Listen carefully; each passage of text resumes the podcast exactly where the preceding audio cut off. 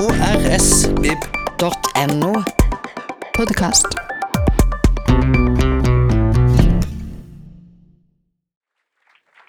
Hello, how are you? Just a couple of people here now. Thank you for being here. Thank you. How nice to see so many people uh, in uh, in the library. It's fine. You should take a wide angle picture from here, really, as a memory of this occasion. Uh, I will take one so- or two. Yeah. Thank you. Okay, so uh, yes, I will repeat that. Uh, welcome to to to you, Juan. Thank it's you uh, so nice to uh, have you here on the southern coast of Norway, which I guess you never visited before. Never. and um, and uh, you're here because you have uh, published two books in Norwegian.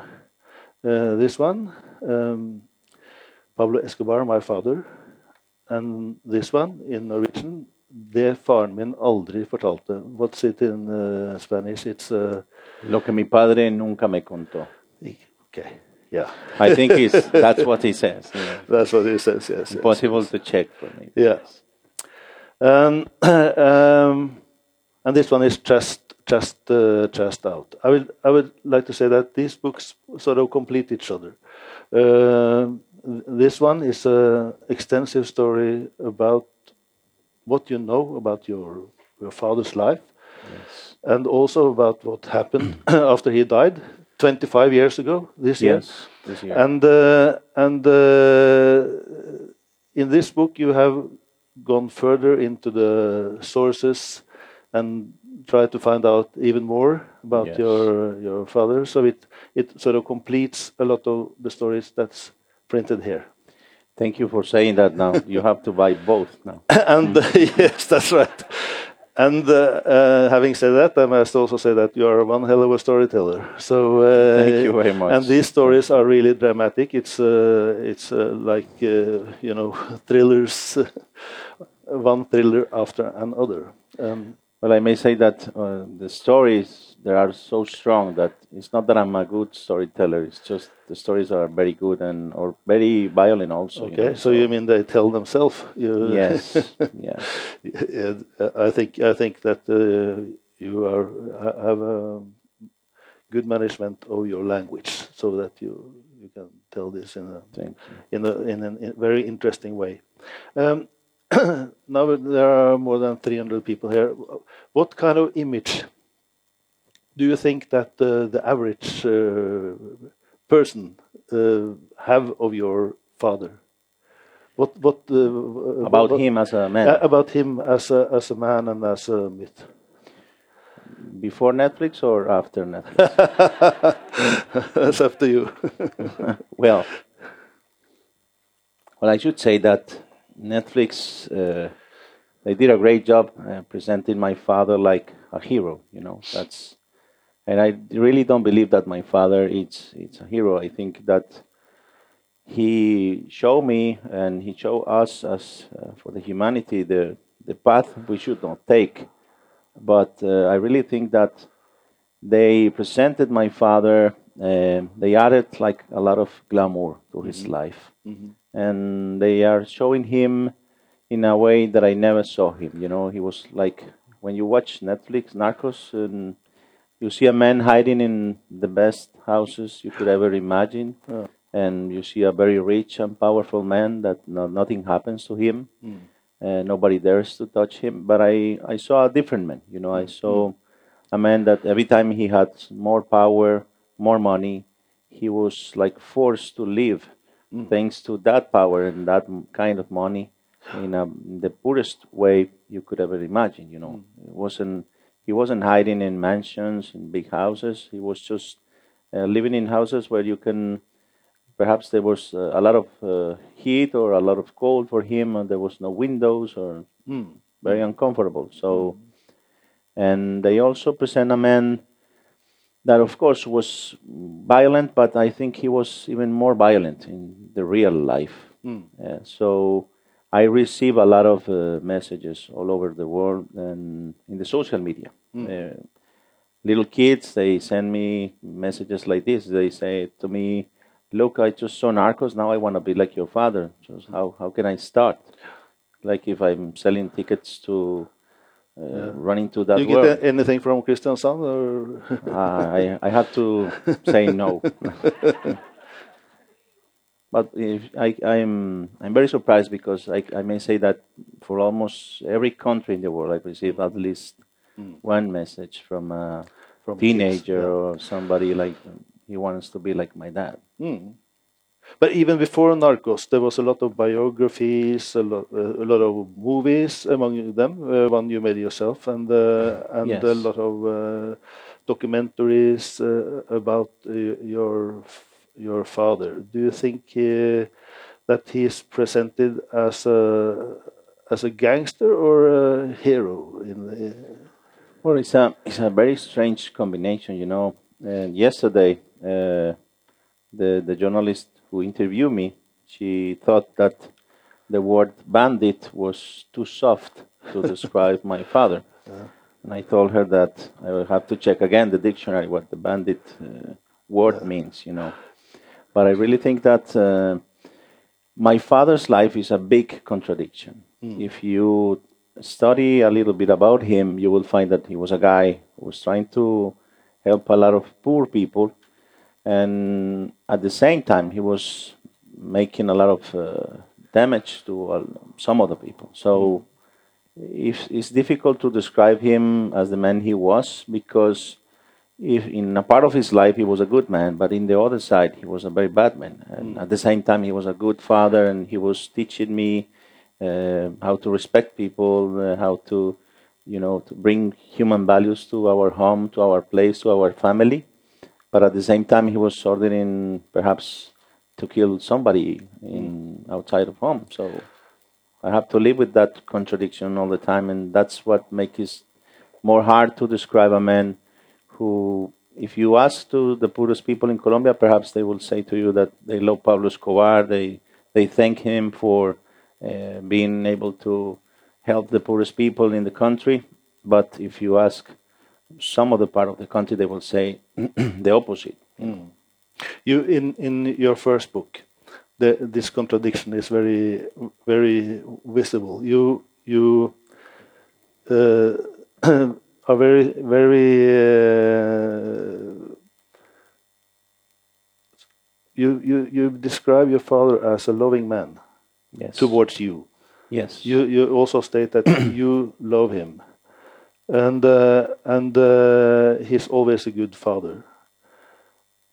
uh, but from you were seven years old, you were aware that he also could order somebody to be killed, or uh, Well, it was also hard for me because you know I was just a little kid when he approached to me and he said, "Look, son, I am a bandit, and that's what I do for a living." So, and that happened in the year 1984 after he ordered the killing of the Minister of Justice uh, Rodrigo Lara Bonilla, and um, he he quit from being a politician and then he started a big war against the Colombian government.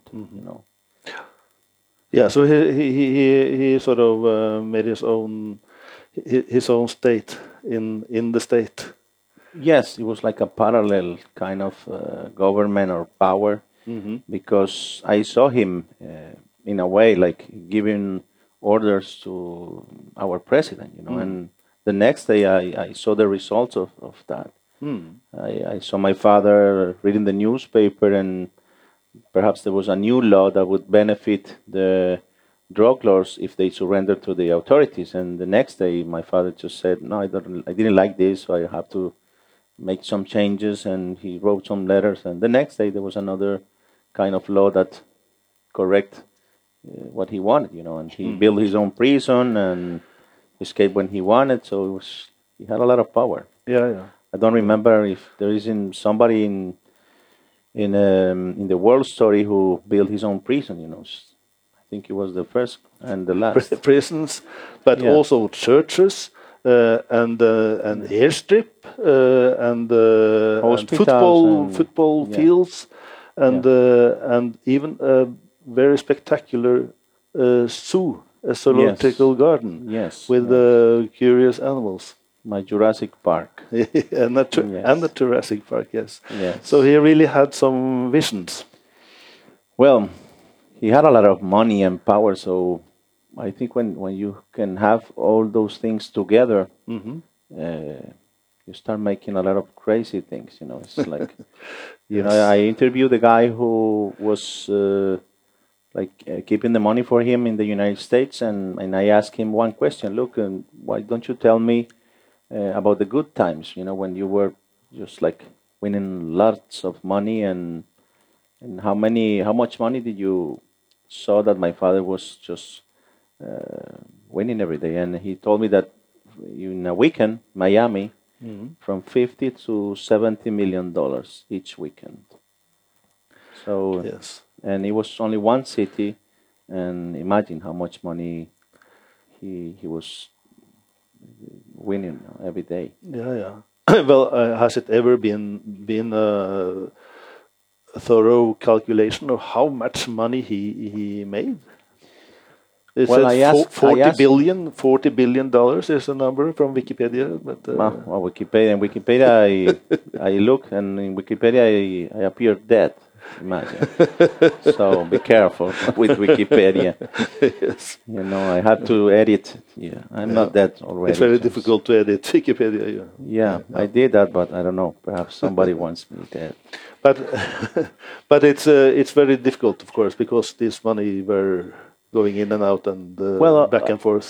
And also, my father, he spent a lot of money in corruption. You know, this business won't be as successful as it is if it's not uh, thanks to corruption, and that's that takes a lot of money to keep the money, the business working.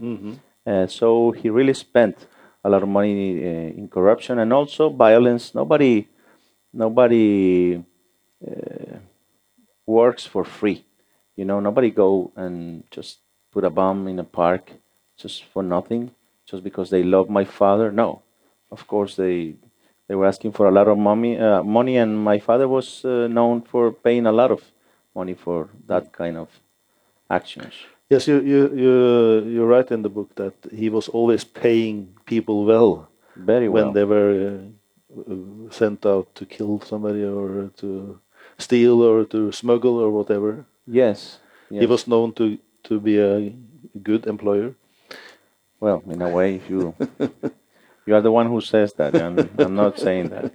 well, a good employer who who, who pays his people uh, more more than they expect. more than they expect. Yes, Uh, but uh, uh, he come he came from from uh, from a very simple background. Yes, he, he- he was he- a farmer. You know, Yeah. all the family they live in, in the countryside. So Mhm.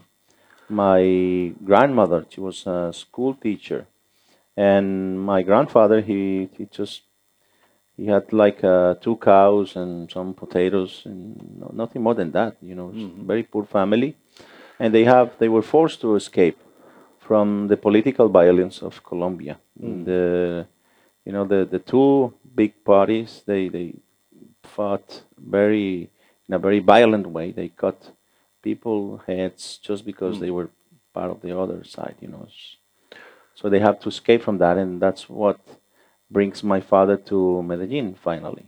Mhm. And he he uh, started his uh, criminal career by by making false uh, testimonies for for school. Yes, there are a lot of doctors in Colombia and uh, people who bought the title from my father. Yeah. So so from from the beginning he had a sort of um, tendency of breaking the law. Or, You know, I feel that he enjoyed that. He was like always pushing things as far as he could. You know, he was like always going as far as he he wanted, and and in a way he enjoyed that. I don't know why, but he was that kind of man. Yeah. Uh, So, so we moved from that to smuggling cigarettes and uh, Every day more crime, and you get deeper. You know. Yeah. But at a, at at a certain time, he must have had the sort of vision that he could do this really big time. Well, yes, he was like a smuggler, but he was using like TVs, radios, and just uh, home appliances and that kind of stuff. And he understood that cocaine could be more profitable than a TV. Yeah, of course. But That uh, that's thanks to prohibition. You know that that's all. That also really helped my father to uh, became the man he was. yes. Did, you say that he was at the right place at the right moment? Yes, if you if you imagine uh, the same time without prohibition, there will be no books about Pablo Escobar, no story. That's right. And he um, he uh, he was, as you say now, um, to you a good father, a loving father, to you and your sister, and uh, and a family man. And at the other ha- uh, other hand, he was a very brutal gangster. Is this a mystery to you? How how one man can can be both these things at one time? Well, I think um, he showed us how far can a human being go in terms of violence and also in terms of love. You know, because he also decided to kill himself uh, once he understood that the, it was the only way out for us as a family. So I think, yes, it's, it's difficult to understand. You know, I, I don't think there's a similar case uh, of a man that could be uh, so powerful and such a loving father and such a violent man at the same time. Uh, I mentioned that it's 25 years since he died, 2nd of December 1993. Yes. Uh, can you describe uh, how you experienced those last days in Pablo Escobar's life? Well, in in this book, in the You- you're telling the story Yes, here, I yeah. I interview and I found the, the the three people who took care of him Mm-hmm. in the last seventy two hours of his life, and they describe a man, a very different man than the father I knew. Mm-hmm. Uh, my father was always a very positive man. He was always thinking that everything will be all right, nothing will happen, and There he will be a way out. Yes, always, and Mm. always for him there, there was always a way out.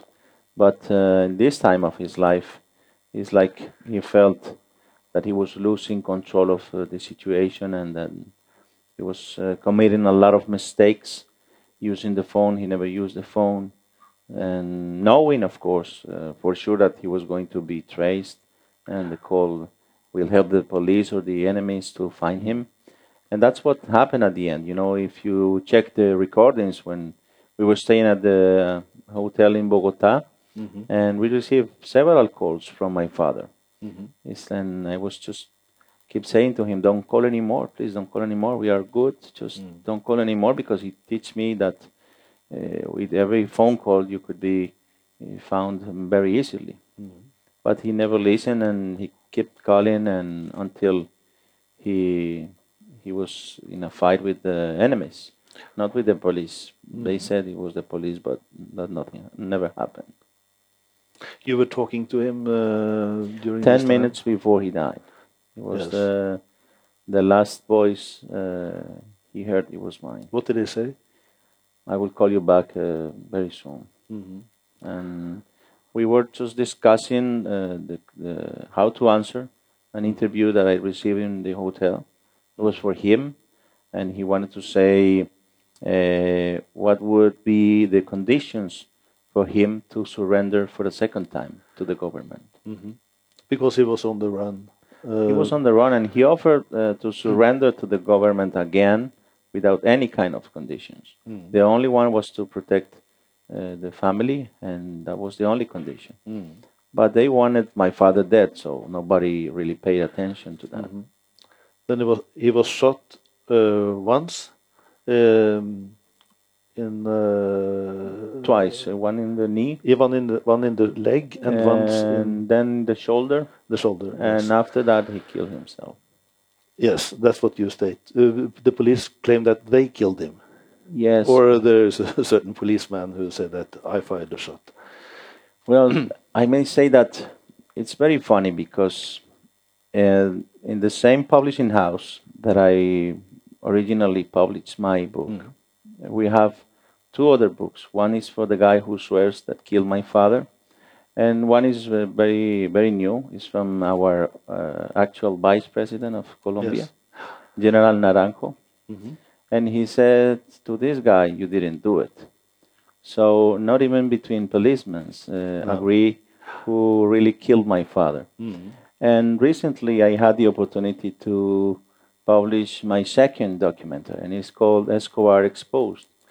And we found um some uh, very new evidence about uh, how my father died, and we found an official police report from the Colombian police to the United States Embassy, and they recently released those documents because they were like top secret. Uh, I don't know why they released this, but uh, Uh, of course, once you see that, you will know that the police wasn't in the crime scene because the kind of report they, say, they sent to the United States Embassy in Bogota, it says that they killed my father in the roof of a shopping mall. Mm-hmm. And I think everybody here, if somebody saw the, the images, my father died in a modest neighborhood, and it wasn't in a shopping mall. It was just a, a roof of a small house. So that puts the police very far away from the crime scene, Right. and I don't. And they will never answer what they were doing there. You know. Yes, and you also, um, as a as a proof, you you also mention that what your father had said to you. Well, many times, yes. He taught he taught me how to kill myself because there was a big risk to be catched by our own enemies and tortured. So he always mm, told me, look, if you feel that uh, your enemy or our enemies are going to, don't let them uh, bring you alive because you will suffer a lot. It's better if you kill yourself. And he taught, uh, he, he teach me how to kill myself if that was be the situation.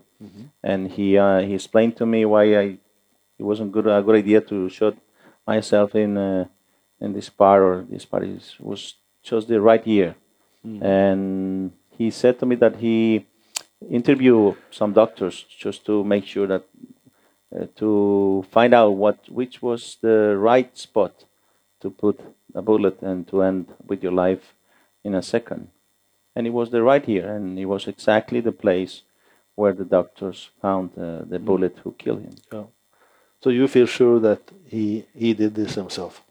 And also, I have uh, some other uh, proofs of that. You know, when I was mm, publishing my first book in Colombia and explaining this to some very well-known journalists, I received from a from my editor a call, and he he he told me that the guy who was um, the pilot of the chopper, uh, who was very near my where my father died, when I was speaking uh, to the radio station, Yeah. uh, he received the call at the same time, and he said to my editor, uh, "Juan Pablo is saying the truth about how his father died." But it was uh, I, I met the pilot after that, and he assured me that also, and I also had the, the chance to receive messages uh, from the guys who made the autopsy, and they sent us uh, the same message uh, that they were forced to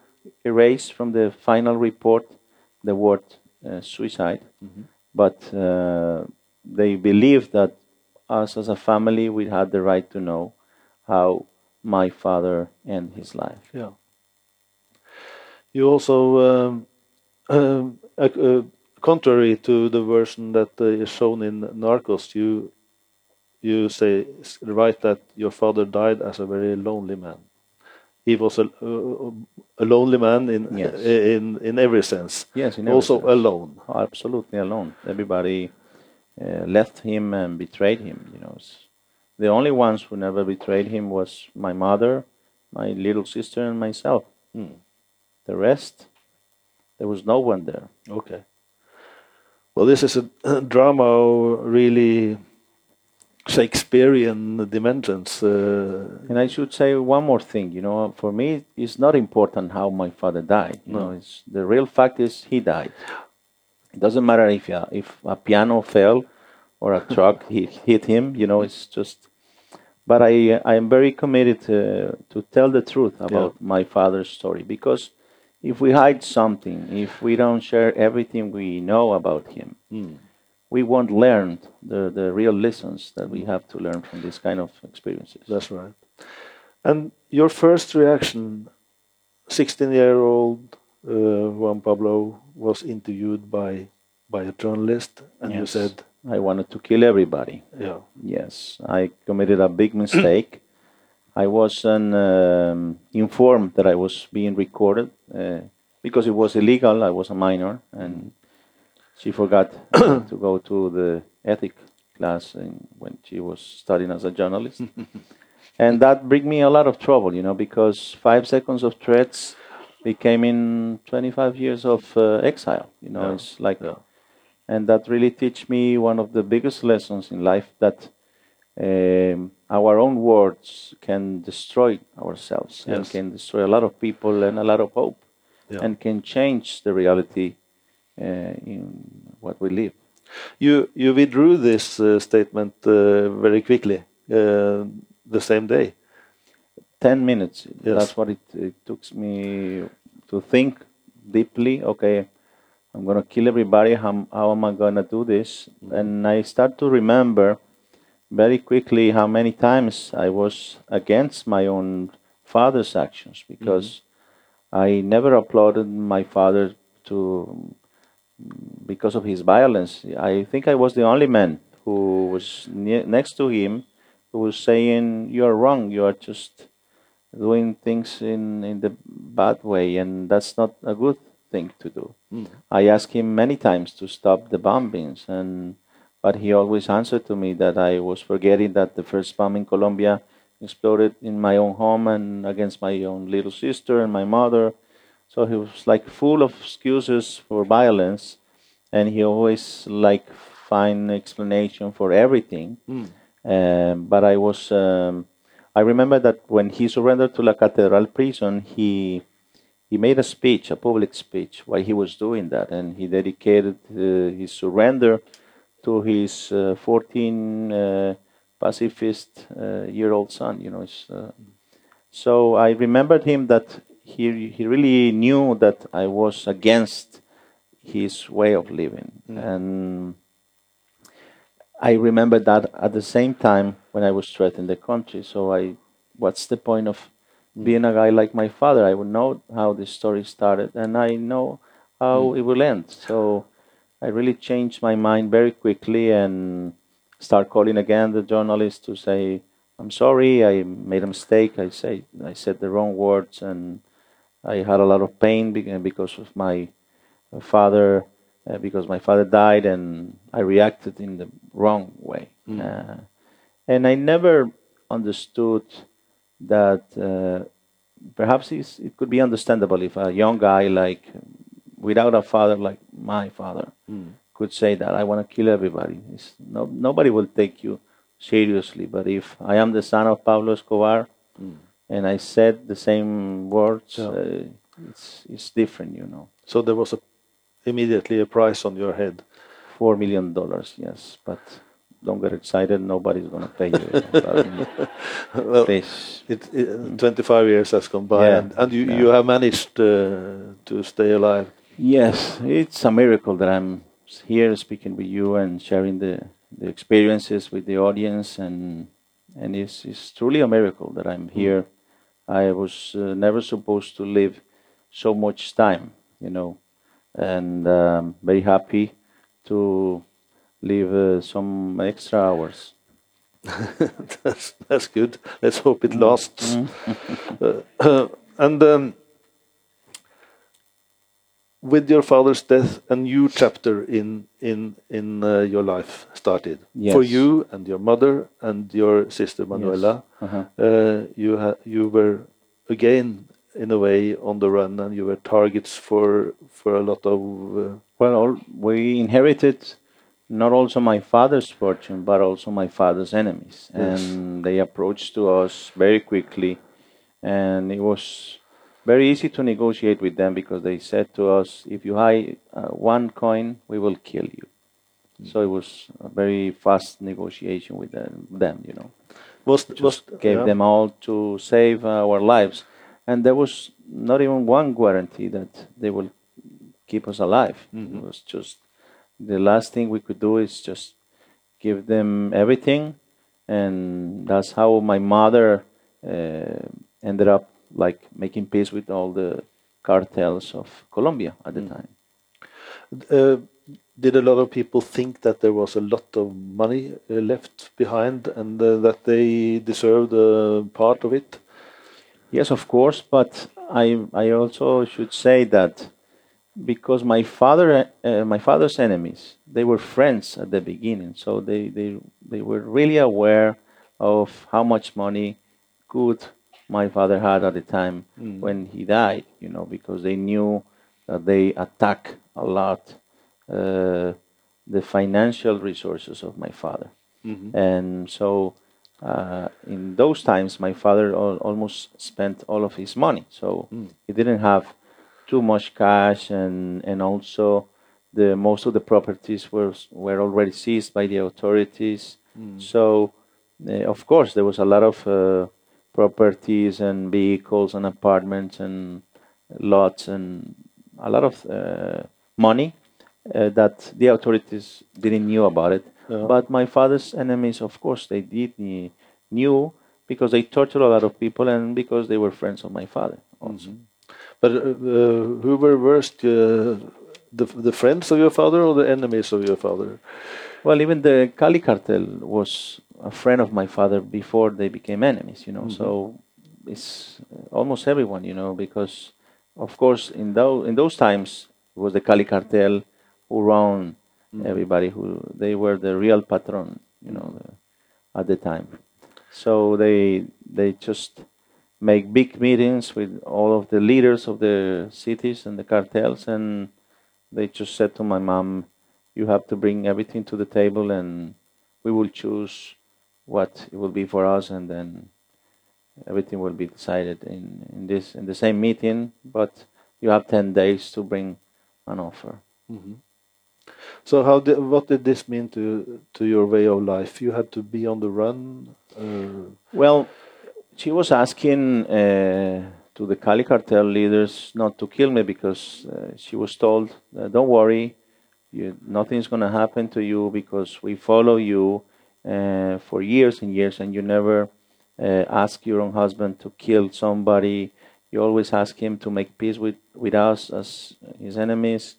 So we respect you as a woman because you were always just there for him to support him, but never to encourage him to be a more violent man. That's why we are not killing you or not even your daughter, but uh, we are going to kill your son. That's how they started the meeting. So uh, she was like crying a lot because, and I kept asking her, "Look, uh, how was the meeting?" And she was, she couldn't tell me the the truth because she knew that I was going to die. And so it was very hard for her as a woman just to maintain her own peace and deal with these guys that they were, they were the most violent guys after my father, you know. So uh, so uh, in the end, you had to leave the country. Yes, that that was one of the uh, conditions. They told me if you ever come back, we kill you. But it must have been a strange uh, thing that no country would receive you, Not even the Vatican. Imagine. not even the Vatican. I asked the Vatican, but they say no. And I also asked uh, the Red Cross and the United Nations. And it's like, well, we have all the laws that protect us, but not the family of Pablo Escobar. They are not written for that. And I was very um, uh, sad because of that, because I read all the human rights and they are very beautiful, they look very beautiful, but nobody practice that. You know, in the real world, they are just there for to print books, but not to really uh, take responsibility for what that really means. You know, and and we ask uh, for a lot of help to our own government, and at the end, you know, we receive more help from my father's enemies than from the rest of the world. That, that's true. And in this book, I say thank I thank them because they they took all the money, but they leave me alive if, with the possibility to like reinvent myself as a man. So in the end, you had to. There was one country in the world that would receive you, but not for free. not for free, no. Mozambique. Mozambique, yes. Yes. Yes. Um, there was no internet in uh, that time so we tried to find some information about Mozambique, and there was none. You know, it's just two lines. It says civilian war and Portuguese uh, culture, and uh, that was all. There was no guidebooks in the shops. No, no, no, nothing, nothing. We couldn't find anything, and it was our only option to uh, escape from my father's and all the country's violence. Mhm.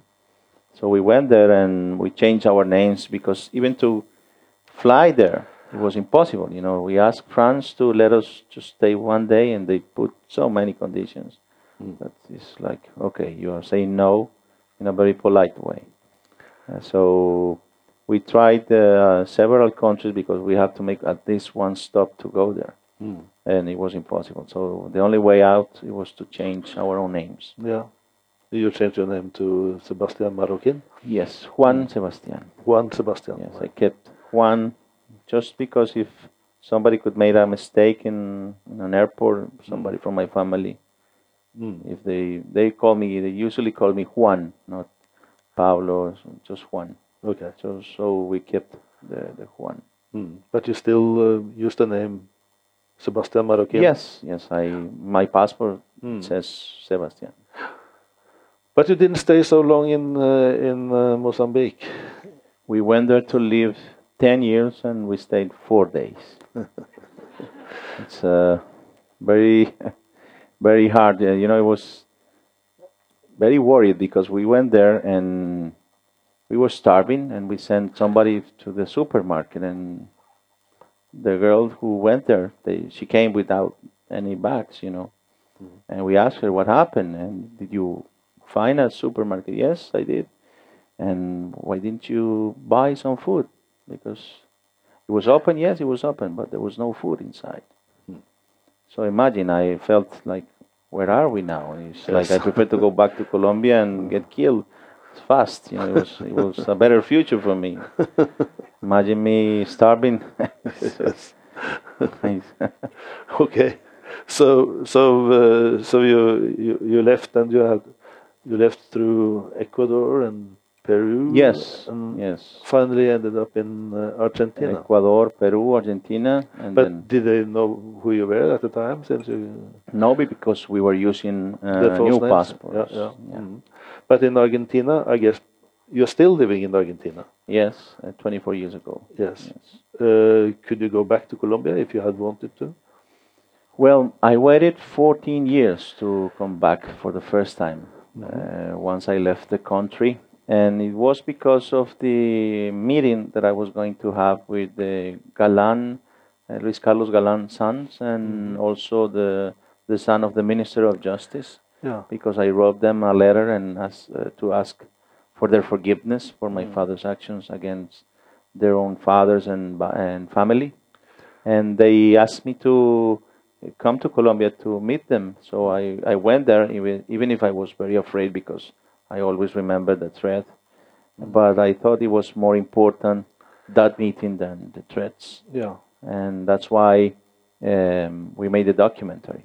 Yeah, thanks to that The meeting. documentary, my father's Sins of my uh, father. the sins of my Sins of father, my father, yes. which is very widely acclaimed and have won a lot of prizes. yes, and It's a documentary uh, where you use a lot of the Yes, the facts from this book. Yes, and you can you can see him the, the documentary in YouTube. There's a lot of piracy, so it will be able to you. and we didn't do that for the money. We just wanted to tell the true story Yeah. and to show to the people the real facts. And so we never never did that for the money. So it's it's easily you can easily find. Well, it's the first uh, f- f- first uh, sort of uh, work that you where you state your your uh, present agenda to to reconcile with people, to reconcile with your father's uh, enemies, Yes. and uh, and uh, ask them for forgiveness on behalf of your father. Yes.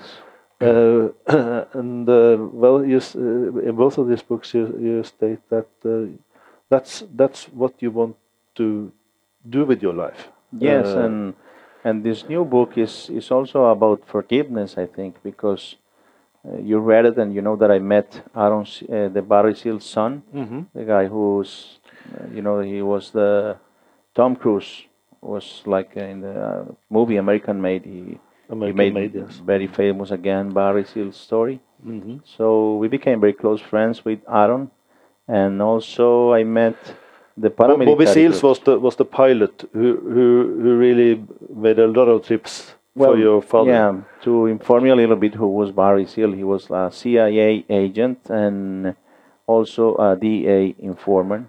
Mm-hmm. And he worked with my father, he worked for the CIA, he worked for the DA, Worked for he everybody, worked for yeah. himself and for everybody. Yeah. He was kind of the North American Pablo Escobar. Yes. And so they have more than one, I assure you that, but they never show uh, the real names of the Yes, gangsters. But probably he was also very corrupt and uh, Absolutely, and yeah. he was like uh, laughing uh, about everything. He Yeah. didn't care, you know. I spoke that with his son, and and he assured me that even uh, contact me saying Mm. that I that I should uh, forgive his own father for being able to speak against my father in a trial. So Aaron, Aaron his, his yes, son, yes. his son, yes, it was. It, uh, it, you and he has uh, sort of made friends. Yes, Yes. have a. Even though his your father killed uh, Yes, he killed his own Seals. father in 1986 in Mhm. the United States. Yeah. Yes, it's something that I, I even if today I receive uh, some message from him, I feel like not also very bad, but uh, very happy at the same time because this kind of relationship is almost impossible to have, you know. Mm. To, Mm. and they also uh, went deeper with his own mom. They contact the guys who really pulled the trigger and killed Mm. uh, Barry Seal. And they said to those guys that they were willing to forgive them and they, they don't feel any kind of hate uh, for them. So that's, they really teach me a lot of lessons about forgiveness and reconciliation. Mm. I thought that I knew something about it, but every time I knew uh, some of my father's victims, I I received from them a lot of uh, respect, a lot of love, and a lot of hope too. Mm. And this book, I think, is also about that. It's not also about the how much violence my father uh, did to a lot of families, but also uh, that we are all willing to reconciliate Mm. and we are all willing to forgive. And it's not the same to forgive than to forget. There's a big difference there. You know, it's forgiveness is for me. It's about healing. That's that's a big difference. Healing of the soul. Yes, yes, because if you don't forgive, you die of hate. Mm. Right, and You also sick. you have also uh, had contact with the um, son of uh, of uh, of the uh, minister of uh, justice, uh, Lara, Lara. who was killed by your father, and also Galan, who was Yes. a candidate for presidency. Yeah, he was. He was also killed, yes, and, and you have you have met the the sons of these uh, people. Yes, and also uh, I spoke with William Rodriguez Abadia. He's the son of uh, Miguel Rodriguez, the head of the Mhm. Cali cartel, the guy who they put us the bomb in the Monaco building in 1988. Mhm. It was uh, 700 kilos of dynamite bomb. Where you and your mother and the sister could have been killed. Absolutely, it's a miracle that we survived that uh, terrorist attack because all the windows in the whole city, one kilometer, Mm. they, they were all destroyed. You know, just a miracle. I, every time I can see the, the, the photos of the building, I, I just kept asking myself, how could we survive to a thing like that? But you, but you now are friends with the son of the guy who, who Yes, who administered um, that. have and also with William Rodriguez. You know, it's, and I'm very surprised because if we um, continue our lives believing the, that we should follow the same rules from the past, we should kill each other if we see if we met in some kind of uh, reunion. You know, so. Mm-hmm. For me, that's very good that we change our minds and that we forget uh, what we should do if we follow our father's directions Yeah. and Vendetta, vendetta culture. vendetta culture. Yes, I think we were all tired of the violence we lived and we suffer, Mm. and we don't want that for our sons and families. Mhm. We want to stop that. Yeah. Um, Colombia is a is a strange uh, country with a lot of uh, lot of violence, but also um, a lot of uh, conflicts that are very difficult to to understand when you look at it from the outside. Uh, in in in the in the book, you also uh, write about your father's relations with the with one of the uh, communist groups, the guerrilla groups, Mhm. M M19 M19, yes. who also behaved as criminals. They uh, do Now they are politicians. now they are politicians. Yes, but they found the right place. yeah, but they kidnapped the daughter of one of your father's associates. Yeah, the the sisters, The uh, sister, yeah. Ochoa, one of the Ochoa sisters, and my father, he felt like a very close friend of the lefty uh, groups in Colombia, and he helped them a lot. But the M19 group, they were just trying to find uh, financial resources, and Mm. they start kidnapping uh, families related with the uh, drug lords. So when my father um, was informed about this, he, he was the founder of the first paramilitary group of the, the Colombian story. It was called uh, Death to Kidnappers, and and that's why that's one of the examples that I used uh, why my father lived such a contradiction in life. Because he was helping uh, the left wing groups and but at the same time he was uh, like uh, building one of the biggest and most deadliest right wing groups to kill the left To, to kill the left wingers, yes, and So- and they they also he also engaged them to work for him. Yes, and then they hi- he hired them to go Yeah. to the uh, Palace of Justice in Colombia, so they would they could uh, uh, burn all the files against him and his organization. yes, and but they uh, denied this. I have to. They denied this in in my book mhm. because I thought it, it's the best. It was to give them the opportunity to say what they want. Mm. Uh, at, at the end, it will be the reader who will say what he thinks about the story. But I have to say that they deny that my father was involved in this operation. But of course, there are so many uh, proofs that demonstrate the opposite. Mm. I just gave them the opportunity to speak. to give their version. you know. Yes, and to check every chapter so I won't get killed so fast. Okay. Um, of course, the the cor corruption uh, in in Colombia is quite is pretty obvious. I mean that uh, that uh, your father had to pay off policemen Yes. and soldiers and politicians to be able to work like he did. But in this book, you also claim that that uh, people from the CIA and from the DEA, uh, the Drugs Enforcement Agency in in the United States, were corrupt and took money to Yes. to to close their eyes for for the smuggling, especially at the height of, of your father's career, 1986 to 1989. Yes, and that that gave me uh, a lot of fear, you know, to to publish this book, and also my publishers they were a little bit afraid of that.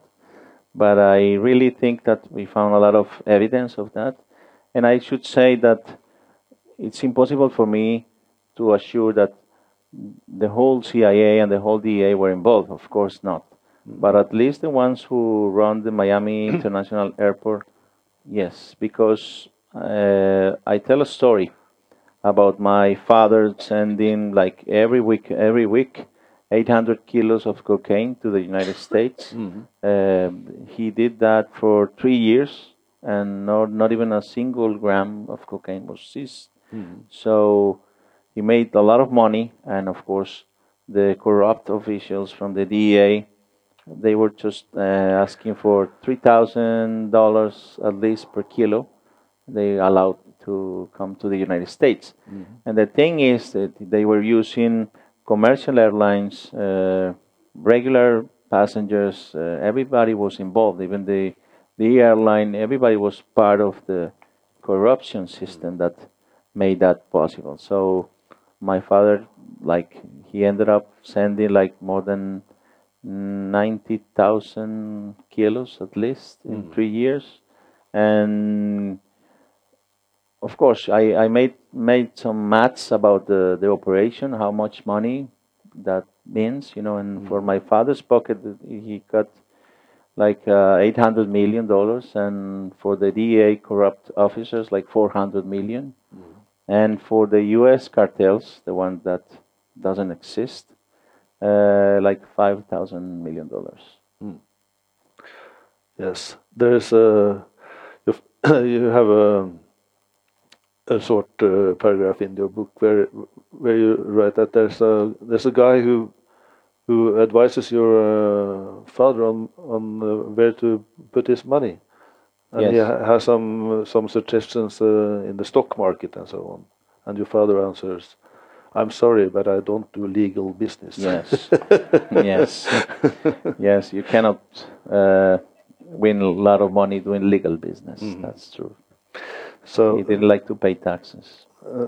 right. Yes. But you, you also uh, write about his uh, his uh, his uh, uh, uh, what do you call it uh, money keeper or Yes. uh, Yes. The like the, treasurer. the, So- treasurer yes Yes. the, the guy who, who writes the books Yes, Or- and he he was explaining to me how they kept uh, so much money. Mm. He ha- he owned more than twenty five uh, houses all around the country, Mhm. and they have like high tech basements with uh, very hard to find uh, uh, way uh, from the authorities. Every time they went to those houses, they never found anything. So and they were full of money. And this guy taught me that he was he had to go every day to the banks Mm. just to send the money to Colombia, and they never stopped counting the money Mhm. uh, because he went uh, 8 a.m. to 5 p.m. and they never finish to count all that money. too much work Yes, poor guy. yes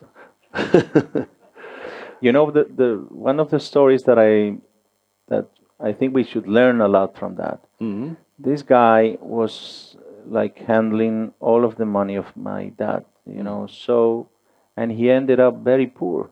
That's true. I saw him when I he, he was taking the bus. You know, he didn't have any money, not even for a taxi. Mhm. And that's the real lessons that we don't see in Narcos, you know, because everybody's like in partying every day, you know. And I see this guy uh, now he's very poor, and he was one of the richest. And that's the lessons we should uh, share with the youngest people, so they will learn that there's no point to be a drug dealer because you will end up in jail or death or Yeah. even poorer than when you started. It's uh, yeah, it's a very big chance that you will end up uh, like your father. Yes. Uh, yeah. Uh, and um, well, uh, we learned a lot about your, your your your father through this conversation. But at one time, you also asked your mother Yes. what. Uh, what? How could you fall in love with him? What? What made you fall in love with uh, With a guy like him, yes. Yeah. Well, and I should say that uh, I always remember that she fell in love not with the Pablo Escobar we all know today. Mm. Uh, they escaped to get married against all of the families. And when she married him, um, there was no money, there was no power, and there was no future for them. So it was impossible for her to know what was going to happen. And uh, the only sin that she committed was just to stay there until he died. Uh, you know, she, she was she kept the promise of loving him and taking care of him until he until death uh, just uh, come to our home. Yes. So that's uh, something my father always, of course, he- when he got so much uh, money and he was very rich, of course he was taking care of my mom, but he gave her a lot of reasons to for the divorce, of course. Imagine how many uh, mistresses and girls he had, but she always stayed there and she tried to uh, get the divorce, but it was impossible. You know, it's just he he once answered to to her that um, he preferred to be dead than divorced. And she also gives a very warm description of him. Uh, Depends how you take that. I mean, in, in, in, in, the book. In, in the book. yes, yes. Um, but let's talk about uh, before we uh, end the, the conversation a, a- little more about uh, uh, Narcos because you also have a, a chapter about Narcos here. Yes. And I Um, have to to thank Netflix because they are really helping me with the book sales. Yes. Uh, you, do you pay So them? I'm not against them. I'm do you do you pay them? Uh, well, I don't think they need my money. no, I don't think so either. But At least they should give me a free account. man. Of course, they Come should. on. Yes, yes. have to yes, pay yes. monthly to them. But you have to you have to pay fair. like everybody else. That's unfair, man. Yes. Um, but when you heard that they were going to make a TV series uh, uh, from the life of your, of your father, you, you you contacted them. Yes, I found out that they were about to uh, start with that, and I contacted them six months before. And I, of course, I was excited about the possibility of being part of that project because I believe that uh, they were will be very open to receive me, and I offered them full access to my father's archives, and I'm I'm talking about thousands of uh, photographs, uh, home videos, letters, handwritten letters from my father. And I was more surprised because they, they just said to me that they knew enough, they knew more than me. So they, they weren't interested in hiring me for the project. So now I understand why they, they were already bought the DEA version of Pablo Escobar, and that's what uh, Narcos is Yes, about. because the, the the the storyteller in, in the series is a is a The DA, two DEA DEA agents. agent, yes. Yeah. Imagine myself with the Netflix guys and the DEA agents, Mm-hmm. and me asking, okay, when are we going to uh, record the chapter when you work with my father? Mhm. Perhaps that. But Perhaps I- that was one of the reasons why, why they didn't hire me. but I guess they they they stole a little from your book as well. Not so Ah, Tell little. me which part, so I will sue them. See that, yes, yes. Um, but what you did after you watched the second season of the series uh, at one stretch, you you wrote something on Facebook. Yes, well, I for the second season, I I just I was writing the, this book, and and I was in Medellin. I remember, and I called my editor, and I I we have um we have to deliver the book at some time, and there, there was enough time to to finish the book as always, but. Uh, I called him and I told him, "Look, I'm gonna watch Narcos season two. I'm gonna stop writing the book." He almost killed me for that, but and I just wrote an article, just make a short list about the big mistakes that I saw in the series, and I did that just like um, a reaction to the second season, and it became very popular. I was surprised. I was like the statistics in Facebook was just in three days, one million readers Yeah. uh, of that article. So thanks to that, I, I called my editor and I said, we have a new chapter for the book because I think we will have a lot of readers interested Yeah. in knowing uh, the mistakes. And of course, we um, we took the same article and we changed uh, because I start talking about the other movies and the other projects about mm. my father, not only and not on, not exclusively about Narcos. Yeah. But I was very surprised because I even saw like uh, in the newspaper in in India, you know, it's mm. like speaking about me and my father and Narcos. It's like I never expected that kind of mm. worldwide reaction. Just it was just 28 mistakes, not too much. Yes, you, you people love lists, and you have made a list of 28 mistakes Yeah, in- I from, received from a, the second season. I received a message from one of the Facebook users, and he told me you forgot one, and I I asked him which, and he he told me, do you remember Benjamin Button? Uh, yeah, yes, I do remember Benjamin Button, and he says you look like Benjamin Button because you are younger every day in the series. You know, it's like that's on the 20, 29 yes, mistake. yes. How was that to, to, to watch yourself in the in the series? You are uh, They, appearing they from should hire a, a more good-looking actor. At least, but they didn't do that. Well, sue them. Yeah, Yeah. I agree. Okay, Juan Pablo Escobar. It's very nice to have you in Kristiansand, and it's been uh, very interesting uh, talking to you. No, I'm thank you sure very much. everybody agrees with me. And uh, you. and uh, you have made uh, history in the library. It's um, it's uh, more people than ever Yes. collected here. Uh, Thank you. Thank you very much. and uh, to all of you, there are books for sale on the first floor up the stairs, and uh, and uh, Juan will be happy to to sign, Sign the them all. for you. Yes, Thank you and very uh, much. and remember you have to buy both. okay, Thank you. Thank you very much. Thank you. Thank you. Thank you.